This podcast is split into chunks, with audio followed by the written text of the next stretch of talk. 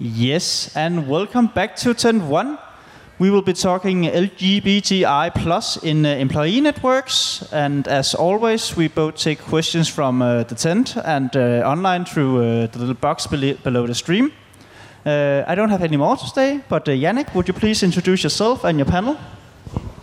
Good afternoon, everyone. I would like to also seize the opportunity to say welcome to Copenhagen Pride Week, and in particular to this talk about employee networks, in particular LGBT plus employee networks.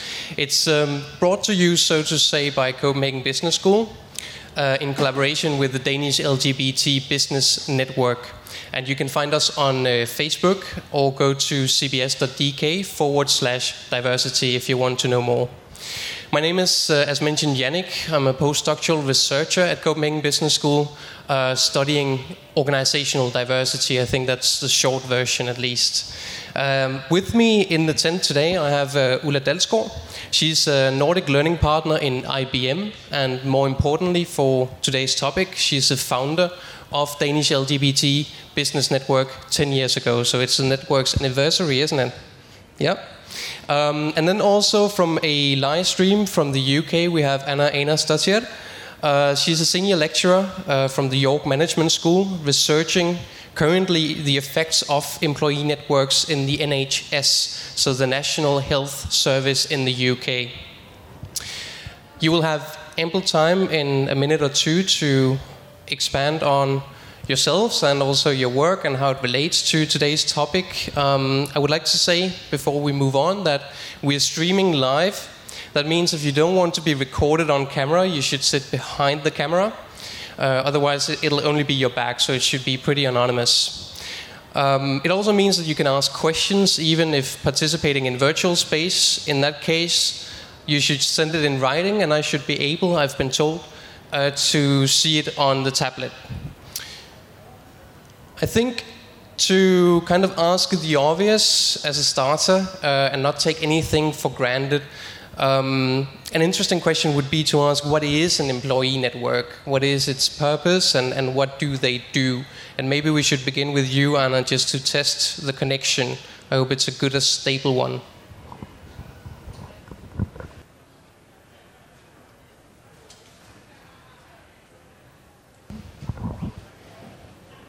At least we can see her. I don't know, can, can you hear us, Anna?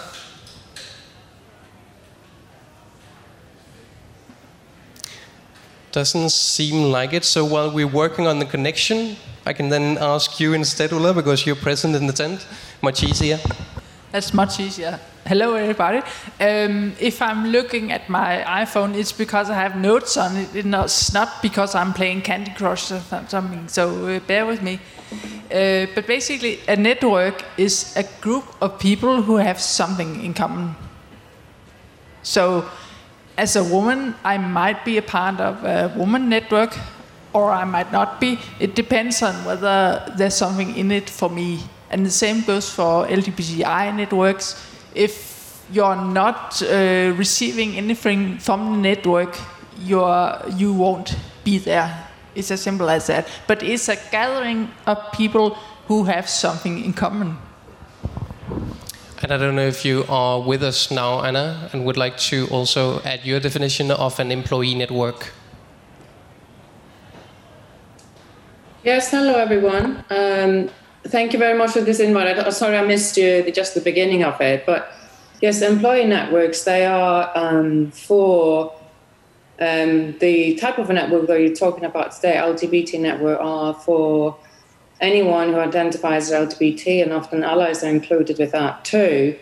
And member um, networks um, usually aim to work for the members but also for the organization that they represent. So that's kind of like a really boxed and a basic kind of definition of what employees networks, an LGBT network in this instance, uh, might mean. Yes, and, and if you have to be a little more concrete, how is it more specifically that they work for their members? I think there has to be something in it for the members. Usually, members are seeking support from each other. Um, um, by virtue of their identities. Um, this might be, in some instances, purely social support, um, breaking isolation. It could be um, to um, forge connections with other other people um, across other networks, for instance. So there's lots of different reasons for you as a, um, a, as an individual, as a professional, why you might want to join a network. interestingly we know a little bit more about other networks too. And, um, you know, for other networks, career progression and support in career progression is quite a vital, vital element of, um, of networks. This is not what we saw in the LGBT networks, however. And as I mentioned um, in the beginning, uh, I don't know if you could hear that, but I actually mentioned that you're doing research and you're a couple of years into a research project uh, investigating or examining, exploring the effects of employee networks on the NHS and how you can kind of mobilize the networks to uh, build more inclusive work environments. Um, could you maybe share some of the preliminary insights from that project? Yes, of course. Um, I suppose um, when we started this process, we didn't really know very much about LGBT networks and who were actually involved in networks and what their impact was and so forth, both for the individuals that are in the networks, wider LGBT communities, and the organizations themselves.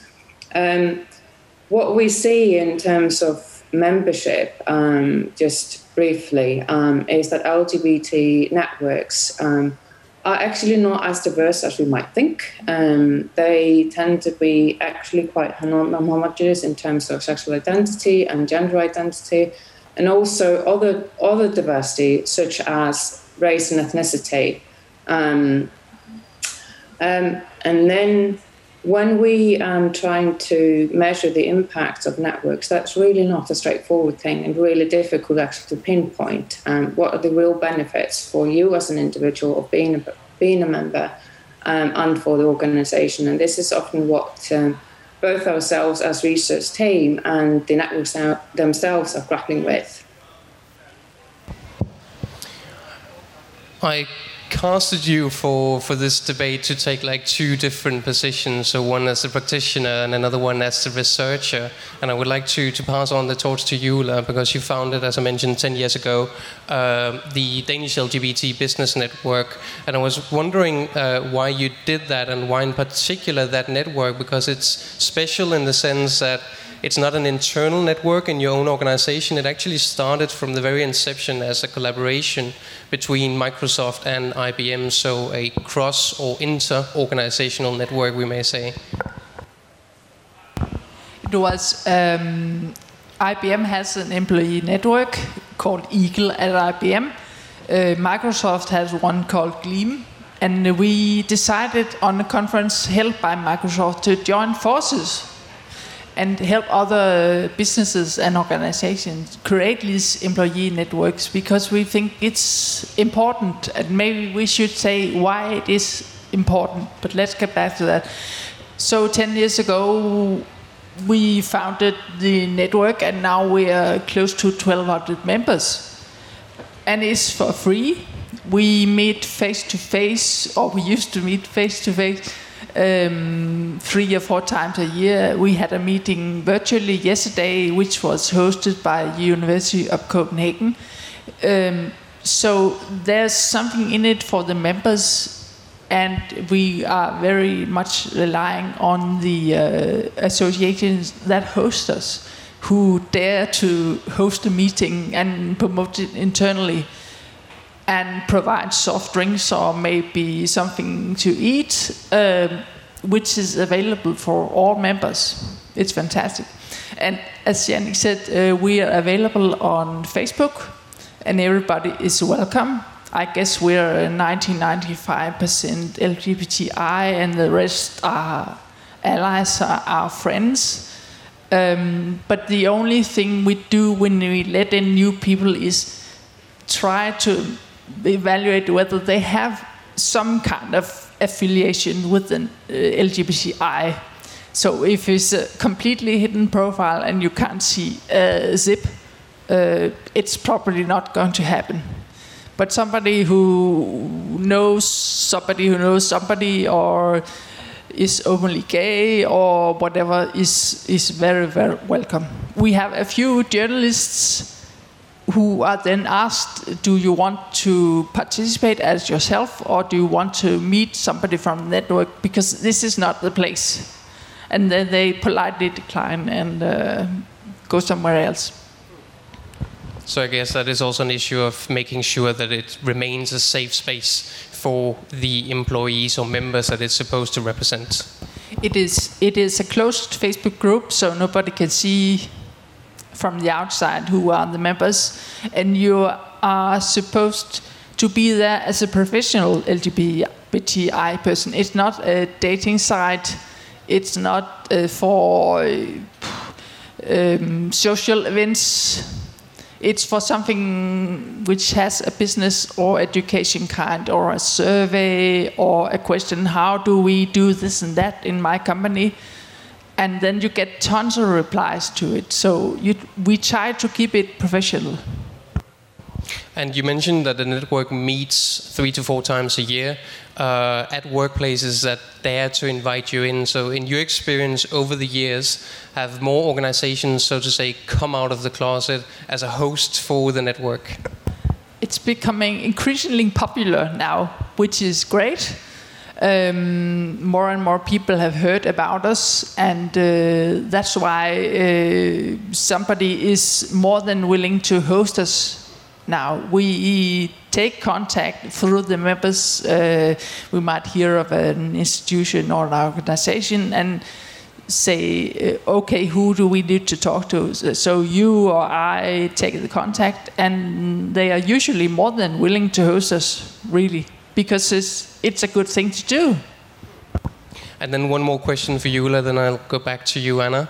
Um, I was just wondering if there is any risk of, I mean, now we know the uses or some of the uses of, of a network, um, if there is any risk of also abusing the networks on behalf of the organization in the sense that they can use it as window dressing, saying that in the CSR report, reporting uh, that we had this network visiting, look how inclusive we are and we focus on diversity, etc., etc.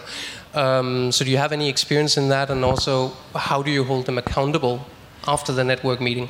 So I haven't heard of anything where a business said, now we have a network, that's a tick in the box, so we're diverse, right? So uh, not that kind of abuse at all. I guess that's good to hear. um, I would like to go back to you, Anna, because uh, do you, in your research, find examples of um, a mainstreaming of the networks that kind of turns into a misuse of them. So it doesn't really make any difference. You just end up sidetracking or, or, or forming these separatist groups where you don't really have any institutional rips, uh, institutional support or resources to actually make a difference. Um, yes, yes, and no. I suppose is the best answer to that. Um, I think. There's always a danger if if the purpose of the network is not very clear. Um, then it's very difficult to know what you actually wanted to achieve with the network, um, both in terms of for, for members and also for the organization. Um, it is within a context like the National Health Service in, in, in, England and in the UK as a whole, which is seriously cost deprived. Um, so people are doing this on a volunteer basis on top of their own jobs. They become members, they chair networks and so forth in their own time on top of their normal job. And that is a really big undertaking, a big role to take on.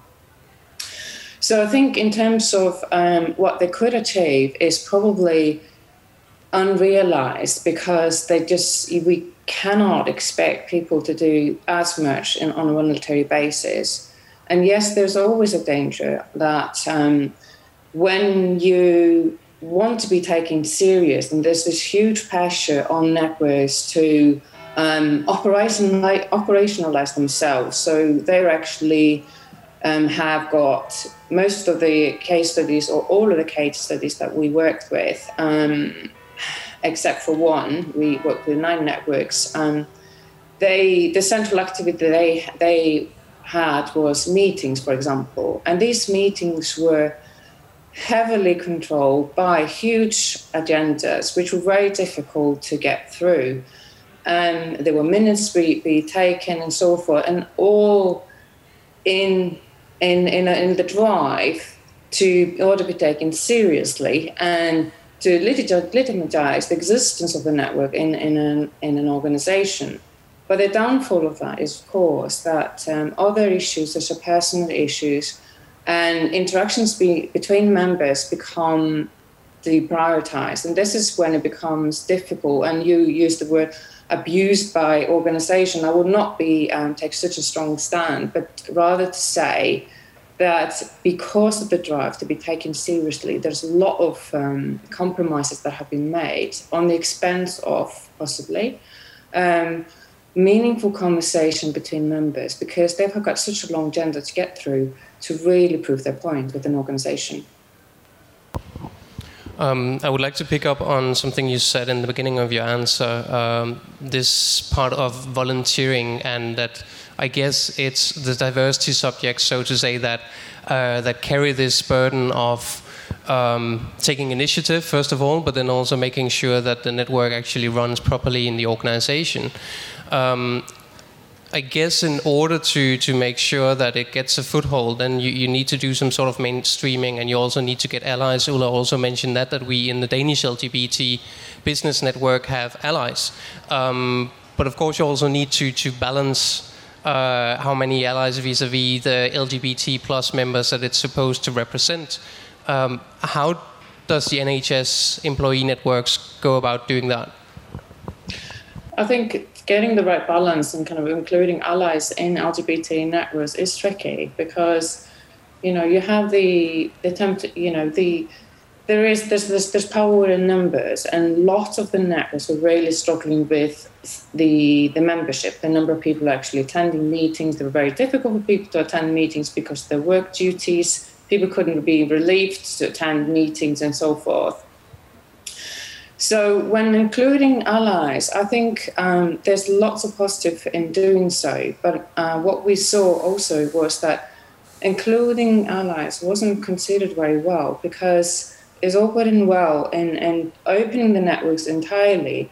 And then many of the networks found themselves in a situation whereby um, LGBT identified people were in a minority uh, and a, quite a large minority, and the networks had become more or less um, a networks of allies with few LGBT identifying people, which is not really what these networks were set up for the in the first place. So getting that balance right is tricky, and also making sure that um, allies, you know, think for yourself um, about what people can bring to the table on the virtue of their own identities, and these are different things, and sometimes not enough consideration considerations given to this what people can bring to the table on the virtual identities, which make their own position uncomfortable because they don't know why they're there uh, and what they can expect, and also uh, what is expected from them. So, a bit more clarity would really help on that. And and how do they learn why they are there? Is that something that happens in the network once entering and becoming member of it, or is it something that ideally should happen before? In, if I may answer that one, I think ideally um, such conversations should happen before, and it should be an ongoing and open conversation at meetings. Um, we were really surprised about how little conversation took place at meetings about identities, a different kind of identities, and there was this real silence about all identities. And I would think you need that need that conversation before and ongoing because things change and shift, and it's very, very important to be able to respond to that in a meaningful way. Um, just let me lo- know if I'm going on a on, on a sidetrack here, but um, I know that you're also working with the idea of materializing diversity, and I think it's related also to this research. Again, let me know if I'm wrong. Um, but the idea basically is that part of what a network does is to, for instance, produce uh, merchandise and so on, like we do when participating in a pride parade, T-shirts and so on. So you can see that uh, we actually have this network and who is a member and who is not, and so on. And then of course you have the issue in the NHS, as far as I'm concerned, that if uh, you're an ally wearing a lanyard in, in rainbow colors, for instance, it might send a signal to a patient or a relative that I'm actually a trusted go-to person, uh, while that may not be the case could you please expand a bit on that? Yeah, um, a lot of the networks we were working with were um, used kind of rainbow type of material um, of different kinds, like lanyards, mugs, um, flags, you name it, badges, all sorts of things. Um, and one can really understand why they were doing it in some way because um, by distributing uh, material of this kind, they could really evidence impact. They could really um, kind of showcase that they were actually doing something and something possibly worthwhile. The lanyard scheme that I focused on quite uh, extensively, um, it seemed to revolve around allies, um, and as you said, Yannick, um, about signaling to other people that they you are as an ally um, a safe person to talk to.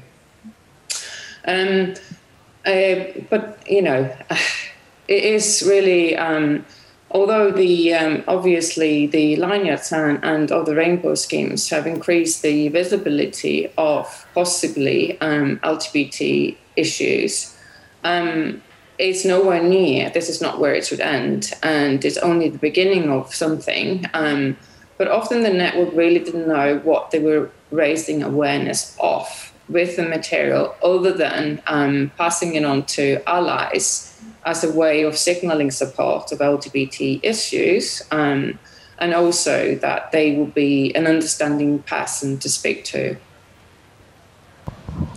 We are almost halfway through, and so I would like to uh, remind everyone that you can also ask questions also here in the tent. Just raise your hands and you can send in your questions. Uh, I'll be able to take them on the tablet. Um, otherwise, I think we might begin this second part by asking the question that you posed, Ulla. Uh, why are networks important?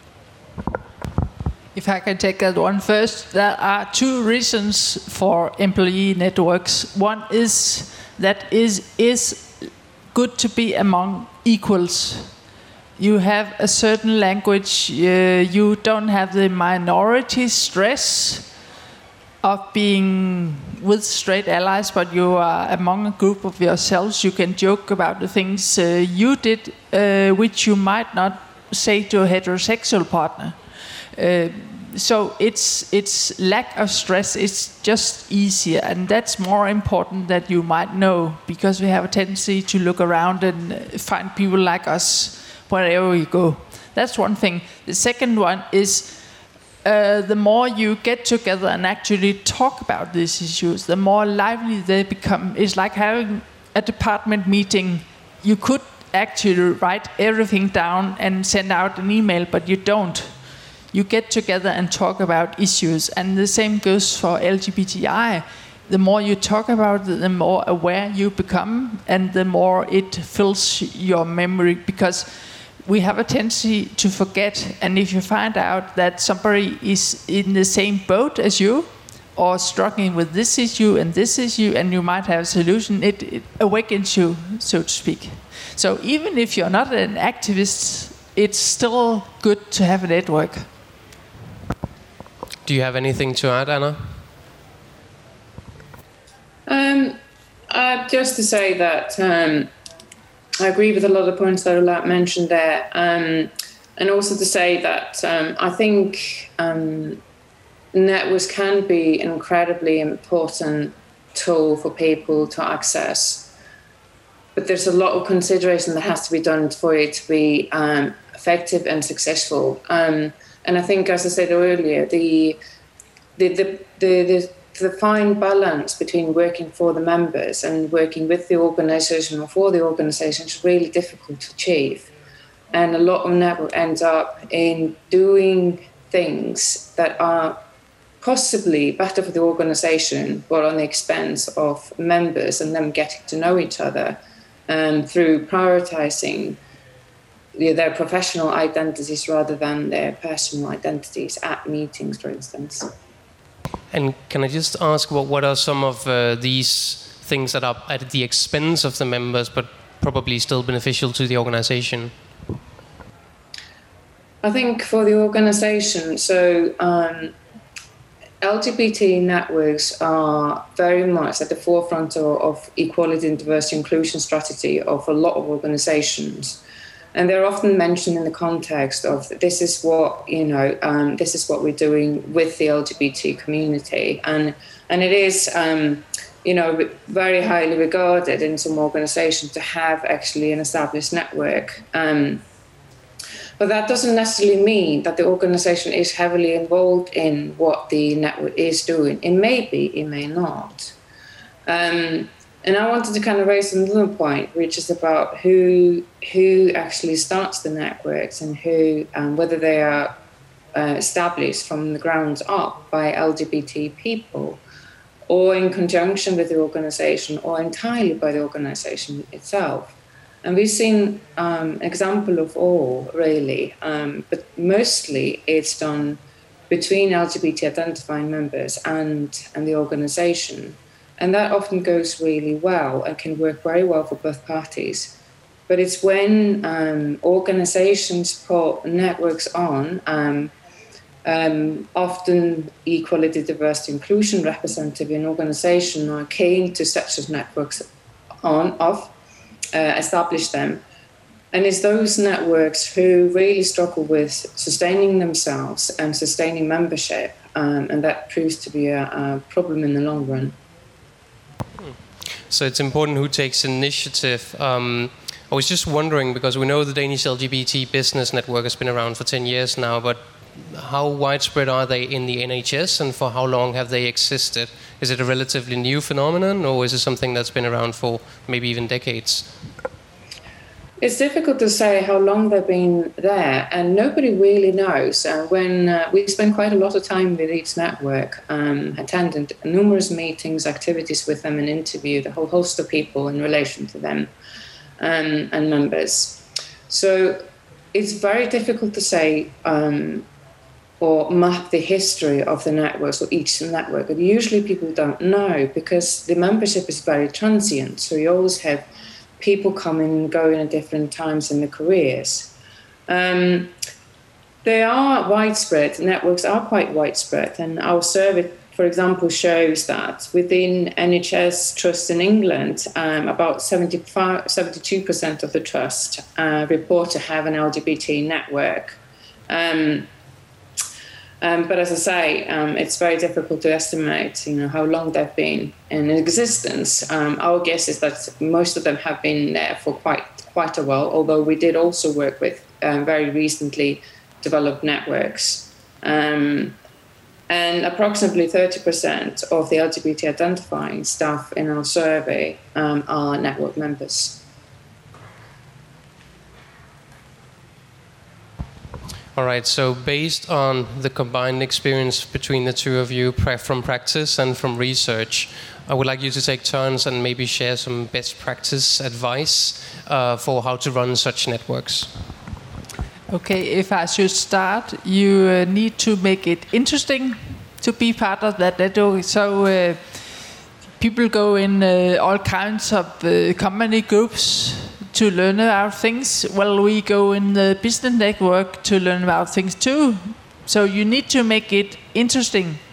There needs to be something, not just talking about yourselves, but maybe an event like Copenhagen Pride, or you need a conference, or you need to uh, have a meeting with your management about uh, the status of LGBTI in your company or your organization or whatever.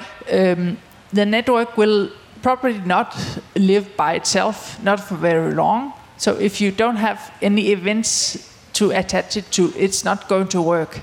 So you need to make it professional. There should be somebody um, driving the network.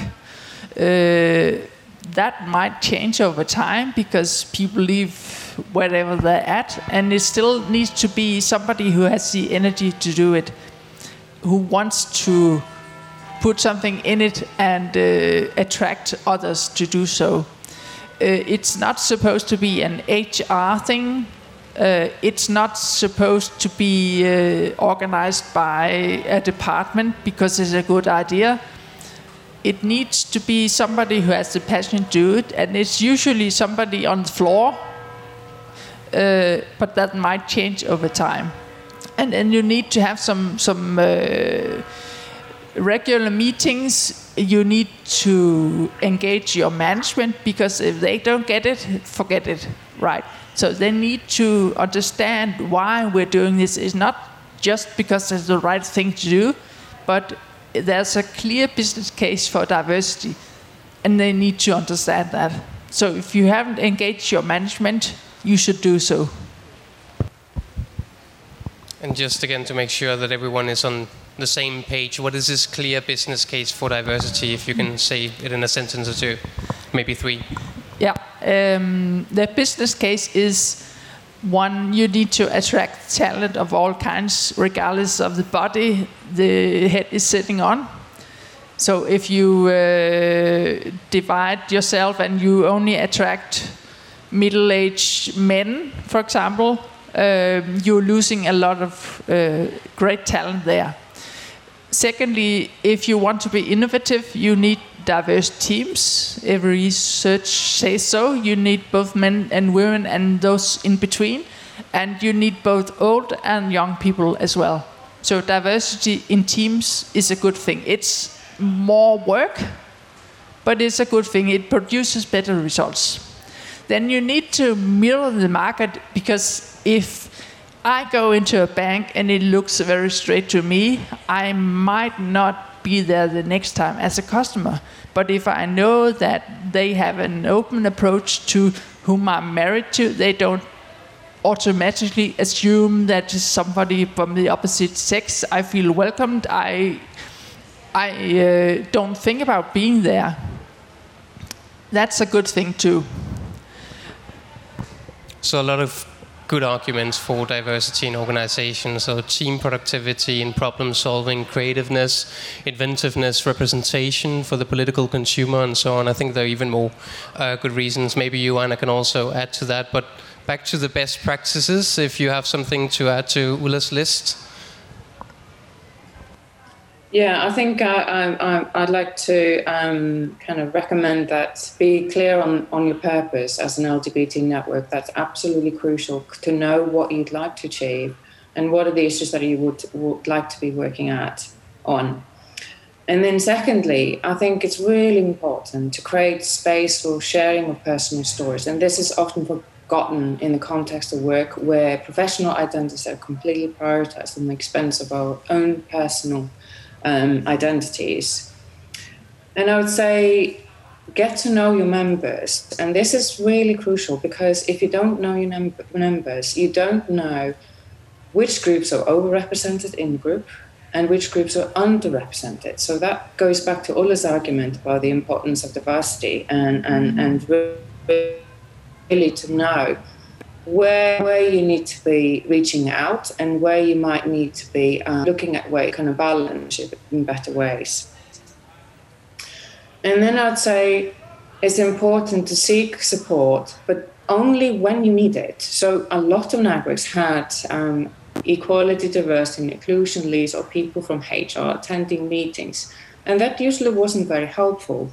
What is helpful is that when you need the help, you go and seek it, but um, constant presence of EDI leads and HR represent didn't work all that well. And then finally, for networks, um, I think there's a lot of learning that can happen if you work with other types of networks. Um, for, for instance, BAME networks, women's network, disability networks. And this is also go back to the diversity um, issue and about how you can actually learn from other networks to work with different groups, possibly, um, about how to engage with them more effectively. And then I'd like to make a few suggestions also for organizations because it's not just the LGBT networks that have to do all the work, because organizations have to do their bit as well. So, first, I would say um, really important is for organizations to help LGBT networks to raise their profile. And this goes way beyond taking a photo of yourself as a senior executive um, um, with a rainbow flag. It has to be more than that, and much more than that.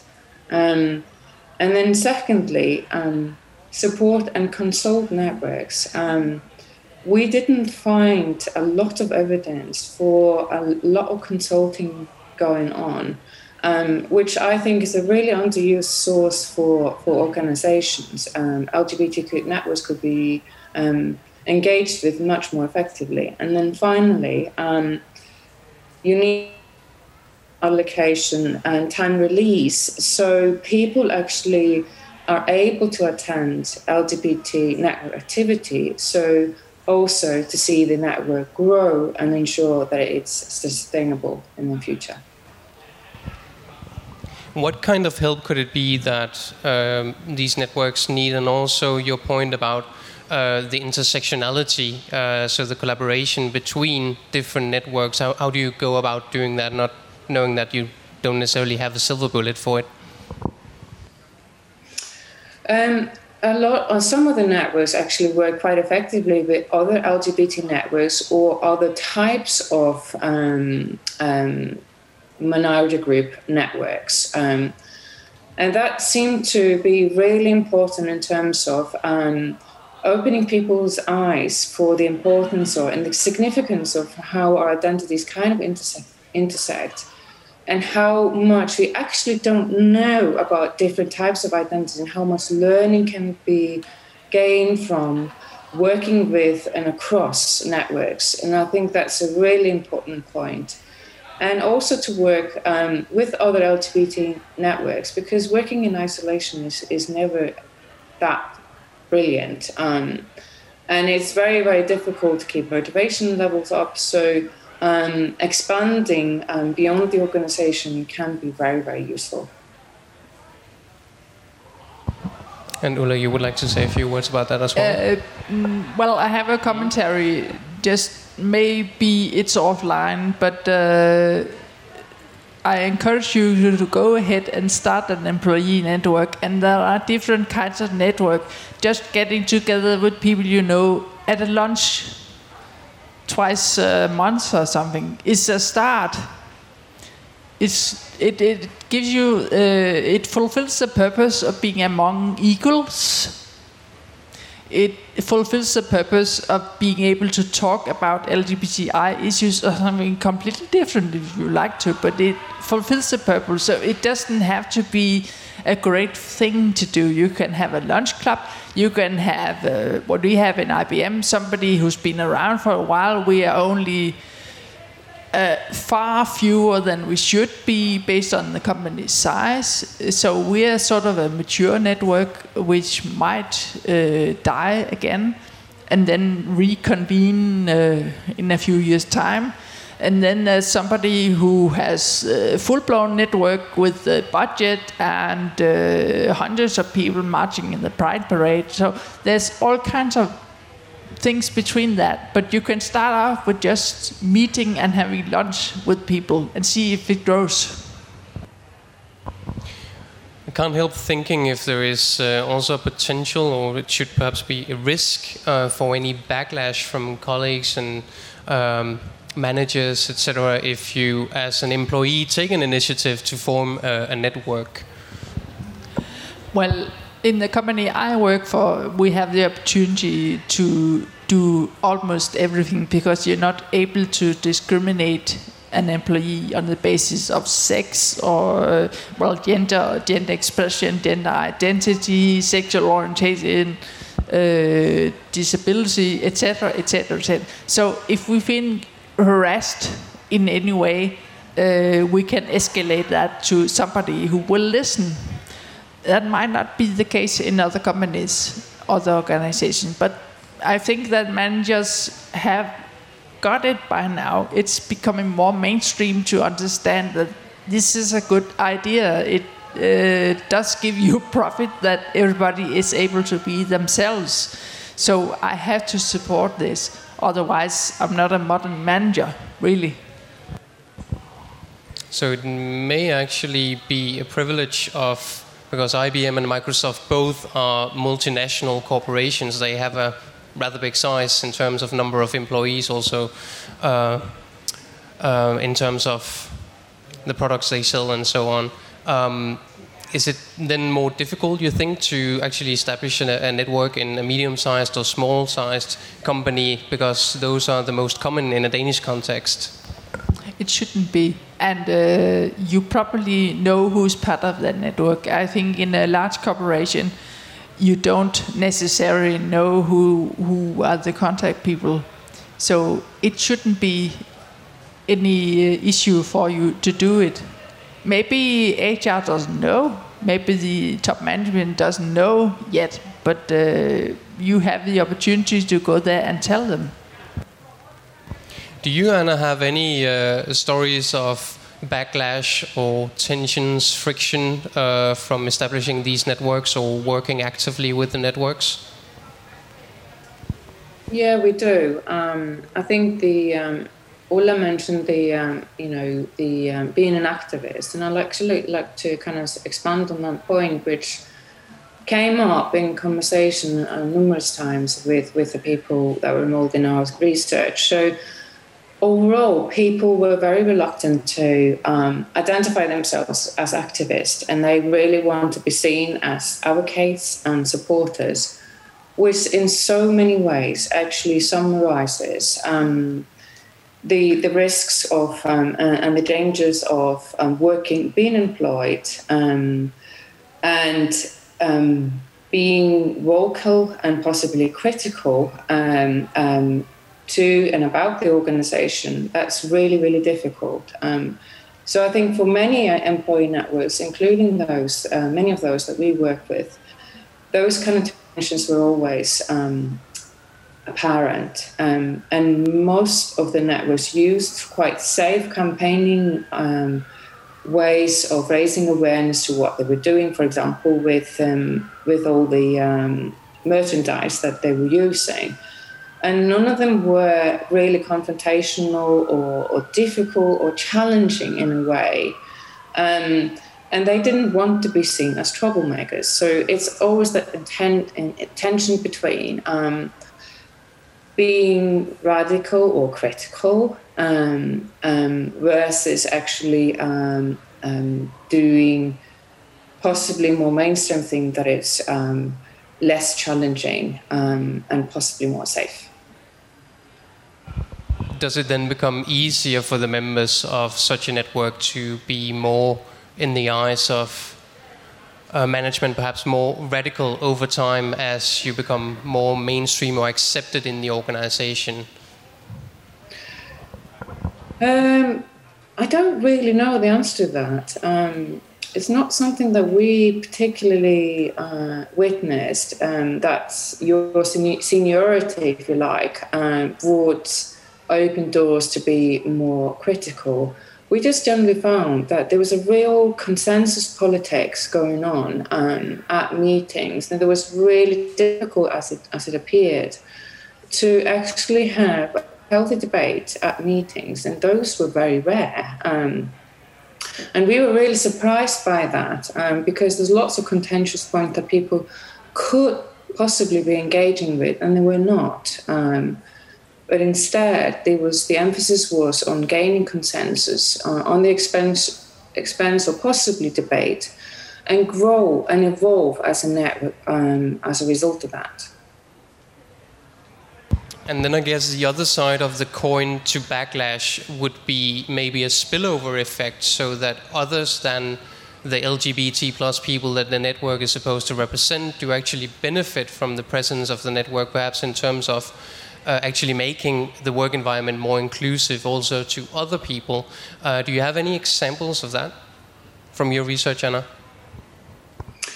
Yes, of course. You know, um, networks can really have an impact, and they have, um, and they do have an impact, but they have to be run in a very, very um, balanced way. Um, and we we saw very good examples of where networks were really active. They were actually running different kinds of activities, uh, all sorts, and that's really diff- that's really important because you don't have if you want to secure membership and if you want to cater to as many people as possible, meetings just don't do it. Um, they're not sufficient. You have to have a whole host of other activities to really membership, and and to to cater for different needs. But because people will join networks for very different reasons. Some may be there purely for social needs. Um, whereas others may be there for more strategic impact. Um, and on the whole, um, there was real, there was general satisfaction with the networks. Um, people were really happy in the networks, although we, although we might, um, you know, um, might not always see the positives or we were really missing the debates we were really hoping that there were actually debates but people were really satisfied with the with how the networks were operating. Would you like to add a comment as well Ulla? No? Um, making sure that we keep time um, was that a raise hand or a scratch? I think a scratch. Um, making sure that we keep time, I would like to end uh, with a public service element. Um, so, in case somebody in the tent or out there in virtual space feels empowered now to go out there and start their own network, uh, what is the best piece of advice uh, that you can give them? Starting with Ulla. Starting with me again, engage management, top management, you need to find a way to have a meeting with top management and explain the business case for diversity. You can just Google it and look it up. And by the time they've got it, you have the authority to go ahead and do something. But if top management doesn't get it, you can forget the rest. Oh, at, at their way of doing that could be in various uh, degrees of uh, commitment. It could be having a meeting with you every quarter. It could be waving the rainbow flag. It could be hosting an event like the business network. It could be budgeting, giving you some money to go ahead and do whatever you do or vice versa. So there are different degrees of what they need to do, but you need to engage top management. And on to you, Anna, your best advice for someone who would like to start a network of their own? Know why you want to do it. Um, um, meet with people, like minded people. Um, first um, before you start to involve um, maybe the organization i would say that that probably is the most effective way of doing things together. It doesn't have to size does not really matter in this context. So a lot of network have fallen for the trap that think that they have to expand their membership extensively. But actually what you find is that you only need a really dedicated um, core number of people who really want to make a difference. Um, um, within their own circles and for other LGBT identifying um, people within an organization as well as colleagues. Um, so get together with um, a number of colleagues first, find out what it is that you'd like to do together, and and find out also what is going on in the organization because lack of information about um, um, what is going on for other LGBT identifying people in organizations can also be an issue. Um, so you need to know that your experience in the networks is not exhaustive um, of what other people might be experiencing in the organization. So you need to find out. So to summarize, meet the people that you want to form a network with. It doesn't matter how many or how few. Size doesn't matter in this case. Uh, and then engage management uh, and make sure so that you have that support as well. Another way of making a list is also asking the question what you should avoid to do, um, because we might as well just learn from the two experts. So, what what doesn't work? What will definitely fail? Uh, this is actually more difficult than uh, I thought. So uh, try not to make it social, because that will die out eventually. So it's not just meeting uh, for a cup of coffee or beer. That will eventually peter out. So you need to have some meat on the bone for people to stay around. And you, Anna? Um, just be sure about and ask yourself as a network so what are people actually gaining from attending the activities um, and put yourself in the shoes of everybody in, attendance and explore you know is this really what people might be looking for and be open to change and adapt and evolve um, i think that's really really important and one thing i would say the one the biggest learning from our study is that meetings are not the answer. They are can be a very difficult space to, to, to discuss often quite sensitive issues. So there needs to be a balance between meetings and other types of activities, um, and hopefully, um, then there is a better standing or footing for um, for networks to operate and to cater for, for members and their different needs. But meetings are really not the only answer.